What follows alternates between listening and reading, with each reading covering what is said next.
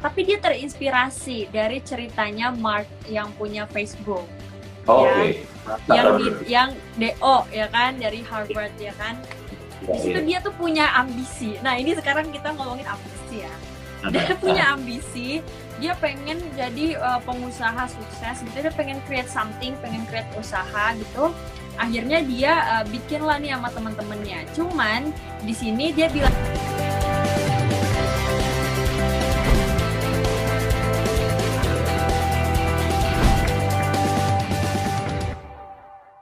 Nah, terus coach Iya. uh, mengenai mengenai uh, fundamental bisnis awal banget nih buat yang Iya. mau jadi starter ya, starter ya. Apa Hmm. sih yang paling menentukan uh, keberhasilan seseorang ketika memulai usaha?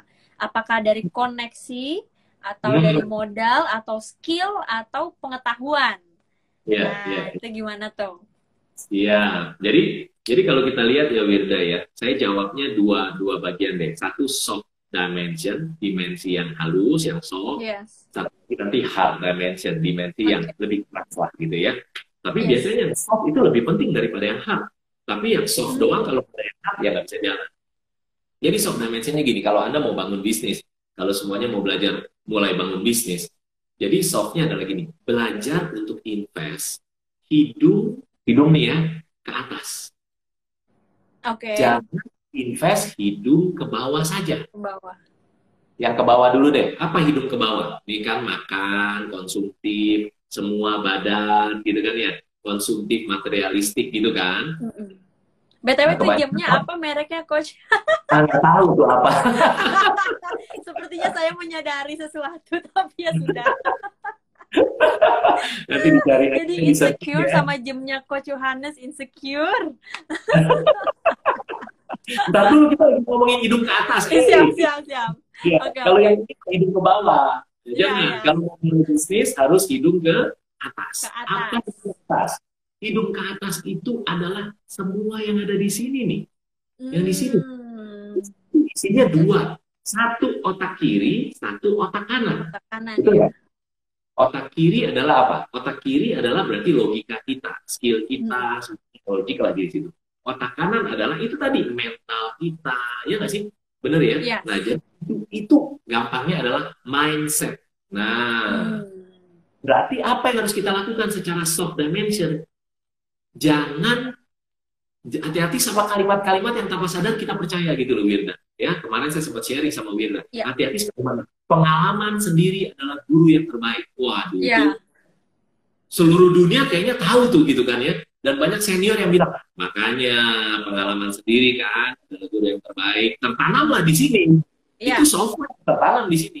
Mm-mm. Padahal semuanya mesti dicoba-coba sendiri. Coba bayangin seorang Wirda dari umur 14 tahun kalau semuanya coba sendiri, ya nggak ada hari ini. Ya betul. Tapi apa yang kita lakukan? Kita nggak pengalaman sendiri. Kita ubah softwarenya, uninstall dan install yang baru apa? Belajar dari pengalaman banyak orang lain adalah guru yang terbaik. Iya. Jadi nggak usah coba-coba sendiri. Karena apa yang saya sangat percaya gini ya Wirda ya. Baik Iya. itu masalah atau itu opportunity ya, baik itu masalah ataupun itu kesempatan, pasti ada satu orang di dunia ini yang pernah melewatinya dan sekarang dia lagi ketawa-ketawa bahagia. Iya, betul sekali, betul sekali. Iya. Jadi tugas kita cari aja orang itu. Kalau bisa kita tanya, boleh nggak lu ajarin gua? Gitu kan? Iya. Jadi kalau kita mau bangun bisnis, berarti cari aja orang yang udah ngajarin banyak orang untuk bangun bisnis biar profitable autopilot. Karena kan bisnis harus profitable dan autopilot, ya nggak sih? Betul sekali. Ya udah cari aja, belajar aja dari pengalaman orang itu. Jangan coba-coba sendiri. Hati-hati sama kata otodidak. Otodidak kesan- Nah, iya, iya, iya. Maksudnya gini loh, orang yang ngomong otodidak kadang-kadang bangga banget ya. Oh, aku sih belajarnya otodidak, katanya gitu kan. Oh iya, iya, bagus, bagus. Tapi kalau pengalaman sendiri, dia buang waktu. Karena hidup ini singkat, gitu kan. Jadi, ayo, belajarlah dari pengalaman orang lain. Malah itu, pernah, itu Coach. Eh, ini aku, ini kisah nyata eh, dari temanku sendiri. Aku juga sampai Iya. out of words yang nggak bisa ngomong apa-apa lagi. Jadi dia ini kuliah, ya kan? Dia kuliah, udah bener-bener bagus nih. Dia akademiknya oke, eh, eh, dari si- dari sisi semuanya oke lah. Tapi dia terinspirasi dari ceritanya Mark yang punya Facebook. Oh, Ya. Oke. yang di, yang DO ya kan dari Harvard ya kan Ya, di situ ya. dia tuh punya ambisi. Nah ini sekarang kita ngomongin ambisi ya. Dia punya ambisi dia pengen jadi uh, pengusaha sukses gitu. Dia pengen create something pengen create usaha gitu. Akhirnya dia uh, bikin lah nih sama teman-temannya cuman di sini dia bilang gini gue mau jadi kayak Mark Zuckerberg gitu ya. Bener gak sih? Itulah kayaknya ya. Yeah, yeah, gue yeah, pengen yeah. jadi kayak yang punyanya Facebook lah. Akhirnya yeah. mereka semua nih lima limanya itu keluar dari kampus mereka keluar dari kampus karena mereka yakin jalan hidup banyak banget jalan hidup orang-orang sukses tuh dari awalnya tuh di DO tapi dia mengeluarkan diri gitu. Akhirnya hidupnya jadi nggak jelas. Pendidikannya nggak keru-keruan tapi udah terlanjur uh, keluar gitu nah, nah uh, ini tuh ya coach uh, apakah ambisi itu ada baiknya gitu? Apakah dengan kita tuh berambisius itu bisa membunuh kita gitu? Ya, apa ini ini sebenarnya yang yang dibilang belajar dari pengalaman orang juga sih. Ya, kan nggak ya. nggak belum tentu sama dengan cerita hidup kita kan? Ya, saya tuh belajar satu hal ya. Salah satunya ya. di sekolah. Depan ini saya belajar satu hal jangan melihat segala sesuatu itu hanya dari satu kotak hmm. belajar gitu jangan melihat segala sesuatu dan dan dan mengambil keputusan atau menyimpan menjadi software dalam ya, karena satu kotak. Kenapa iya. nggak lihat kotak lain, lihat kotak lain, lihat kotak lain? Memang jangan terlalu banyak kotak, nanti jadi bingung. Tapi nggak yeah. boleh lihat satu kotak, nggak boleh pakai kacamata satu doang gitu. Kenapa? Karena tadi contohnya, kalau karena ngelihat satu kotak temenmu itu, uh, yang Mark Zuckerberg, Bill Gates, semua hampir semua orang-orang terkaya di dunia itu drop out ceritanya, gitu kan? Maka langsung dia relate kalau aku mau sukses, aku harus drop out. Contohnya ngelihat satu kotak adalah gitu. Oh, Mark Zuckerberg itu drop out, makanya dia sukses. Enggak, enggak ada hubungan. Itu kan baru seper, enggak sampai satu persen loh. Itu mungkin seper, nggak tahu lah 0,0 berapa persen yang drop out dan kebetulan dia bisa sukses. Berapa banyak orang yang pendidikannya bagus dan akhirnya sukses? Ya, lebih banyak. Sekali. Lebih banyak betul. karena pendidikan itu membuka wawasan gitu kan. Ya. Menurut saya sih nggak ada yang nggak ada yang salah dengan ambisi ya. Cuman kalau ambisi itu ya mungkin perbedaan kata aja, tapi saya nggak mau bermain kata lah. Tapi Yona cuma mau ya. bilang ini, ambisi atau semangat atau punya goal atau punya dream ya kuncinya gampang, eh, nggak gampang sih, kuncinya simple, yaitu gini, kita dijamin bahagia kalau apa? Menurut saya ya Wirda ya, ya. kalau hidup di rencananya Tuhan menciptakan kita. Oke. Okay. Kan ciptain kita pasti ada takdir ya, ada istilah takdir gitu kan. Ada istilah nasib gitu kan ya. Benar yeah. nggak sih? Gitu. Nah nasib memang kita punya hak untuk mengubah nasib kan, karena kan kita hmm. dikasih kehendak bebas sama Tuhan gitu. Iya kan. betul betul betul. Tapi betul, kita mengerti rencana Tuhan apa, itu pasti yang terbaik. Iya. Walaupun yeah. mungkin lewat melewatin proses gitu ya, mm -hmm. itu. Jadi nggak apa-apa sih justru bagus punya dream yang salah tuh gini yang salah yang salah adalah kita mau mencapai mimpi kita tetapi kita terlalu banyak mengorbankan hal-hal yang jauh lebih penting dari mimpi kita hmm. itu kemungkinan mimpi ya, kita ya. itu ada urusan iya mimpi kita kemungkinan ada urusan sama uang urusan sama mimpi bangun bisnis atau apa kemungkinan ya nggak harus begitu tapi kemungkinan gitu oke nah jangan korbankan apa hubungan kita sama Tuhan Jangan korban banyak hubungan kita sama silaturahmi kita sama siapa? Sama keluarga. Iya yeah. sih? Kalau sudah menikah, nah, nanti anaknya tiba-tiba cepat gede. Kalau ayah ibu kita jarang hubungan, jarang silaturahmi, kan ada saatnya dipanggil Tuhan dan dan iya. dipanggil yeah. Tuhan nggak urutan ya. Datangnya memang urutan kan. Dipanggilnya kan nggak urutan loh. Kita nggak tahu siapa duluan. Jadi iya serius. Sampai kita jadinya tanda kutip cinta uang Hmm. Uangnya masalah ya. Hmm. Kalau kita kita uang sampai mengorbankan hal-hal yang lebih penting, itu menurut saya yang salah. Gitu ya. Siap, siap. Ini tadi yeah. menarik, uh, Coach sedikit aku highlight dari ucapan yeah. Coach tadi ya soal uh, hidup berdasarkan bagaimana Tuhan kita tuh pengennya kayak gini gitu.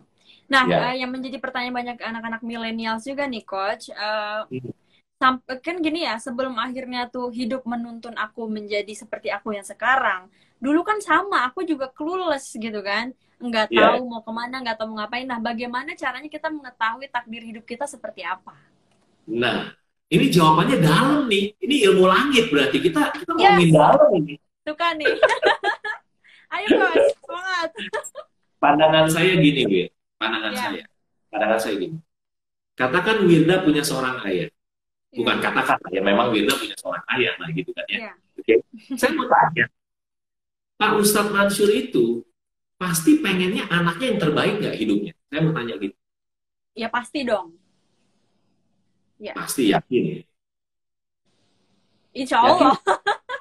Ya, ya yakin lah. Mana ada ayah sama ibu, mana ada orang tua yang mau anaknya itu jelek hidupnya kan? Iya sih benar benar. Ya udah yakin. Iya. Ya, mana mungkin seperti pikiran pun ya, kecuali mungkin ayah orang tua yang salah jalan lah mungkin, tapi ya. tapi sedikit sekali semua orang tua yang normal pasti mau anaknya bahkan bukan cuma baik, lebih baik dari dia. Itu kemungkinan hmm. betul ya? Iya. Oke, sekarang saya tanya gini. Bayangin Wirda lahir di keluarga, lalu ada ayah ibu yang yang punya rencana terbaik buat Wirda. Tapi yang terjadi Wirda itu makin lama makin gede, tapi ini ini ini ini enggak. Nggak usah Wirda lah, ngomongin orang lain aja lah ya. Si okay, si okay. siapa? Si si Siti lah namanya gitu. Ya, tiba-tiba nama Siti gitu. Siti itu yeah. lahir di keluarganya, ayah ibunya tuh punya rencana baik buat dia gitu ya. Ya. Yeah susi lah susi udah gitu. Ya biar namanya lebih uh, susi lah ya oke. Okay. nah tapi susi makin gede makin remaja. Yang terjadi susi pagi langsung sarapan disiapin sama ibunya di meja makan. Ayah ibunya udah duduk pengen ngobrol dia nggak ngobrol. Dia cepet aja makan terus cek langsung pergi. Uh disiapin mobil lagi pergi kuliah mobil. Hmm. pulang pulang kuliah terus uh, mandi abis mandi udah ada makan malam udah disiapin ibunya ada ayahnya mau makan malam tapi dia nggak ngobrol sama ayah ibunya. Dia ngapain ya dia makan aja gitu. Yeah. terus ayah ibunya ngomong. Dia malah mainin handphone liatin YouTube. Ayah ibunya lagi ngomong padahal sama dia. Ya dia uh, ya bener uh, gitu doang. Tapi sibuk. Oh balesin reply komen ya kan Instagram penting gitu kan. Terus begitu terus pertanyaannya si Susi itu bisa tahu nggak rencana ayah ibunya buat dia? Nggak tahu jadi, dengan kenyamanan yang ada ya. Jadi jawabannya supaya kita tahu apa kehendak Tuhan dalam hidup kita. Cara yang paling manusia bisa lakukan adalah ngapain? Kalau lihat cerita Susi. Hmm, menarik nih. Kalau dari aku sendiri dengan cara kita pertama berkomunikasi. Itu. Menjalin komunikasi dengan Tuhan. Itu dia. Ya, ya, ya, ya, ya. Itu. Jadi dunia ini cepat banget, sibuk banget ya, high speed gitu ya, kan. Betul. Betul, betul, betul. Apakah kita punya waktu untuk doa, punya waktu untuk sholat, punya ah, waktu? Keren banget. Kalau Tuhan yang ngomong, mungkin nggak audible lah ya manusia sekarang kan mungkin beberapa orang pilihan aja yang bisa dengar suara Tuhan gitu ya. Tapi kalau Tuhan lagi ngomong, kitanya sibuk sendiri. ya gimana kedengeran? Dan oh, saya iya ya. Betul ya? Kan tadi Susi di meja makan kan? Susi di meja makan, ayah ibunya lagi ngomong, kamu habis kuliah mau ngapain? Ayah kepikiran apa kamu nggak usaha ini? Karena ayah punya temen begini begini begini. Ayah udah siapin dari dulu, misalnya. Iya iya iya iya. Iya ya, karena kita lack of communication juga sama Tuhan ya. Hmm. Dan, benar, dan, benar. dan, dan jadi bisa itu, jadi bukannya kita nggak tahu, tapi kita tidak mencari tahu gitu ya. Dan tidak mendengar. Dan kalau dan menurut pengalaman saya, menurut pengalaman saya, Tuhan itu ngomongnya nggak lewat audible doang. Audible hmm. tuh berarti kan, kan nggak semua orang bisa dengar audible dong, suara Tuhan yang maha kuasa gitu kan. Iya. Bisa jadi buat orang-orang tertentu, orang tuamu, kakakmu, atau temanmu yang Tuhan kirim untuk kasih tahu kita. Ya, hmm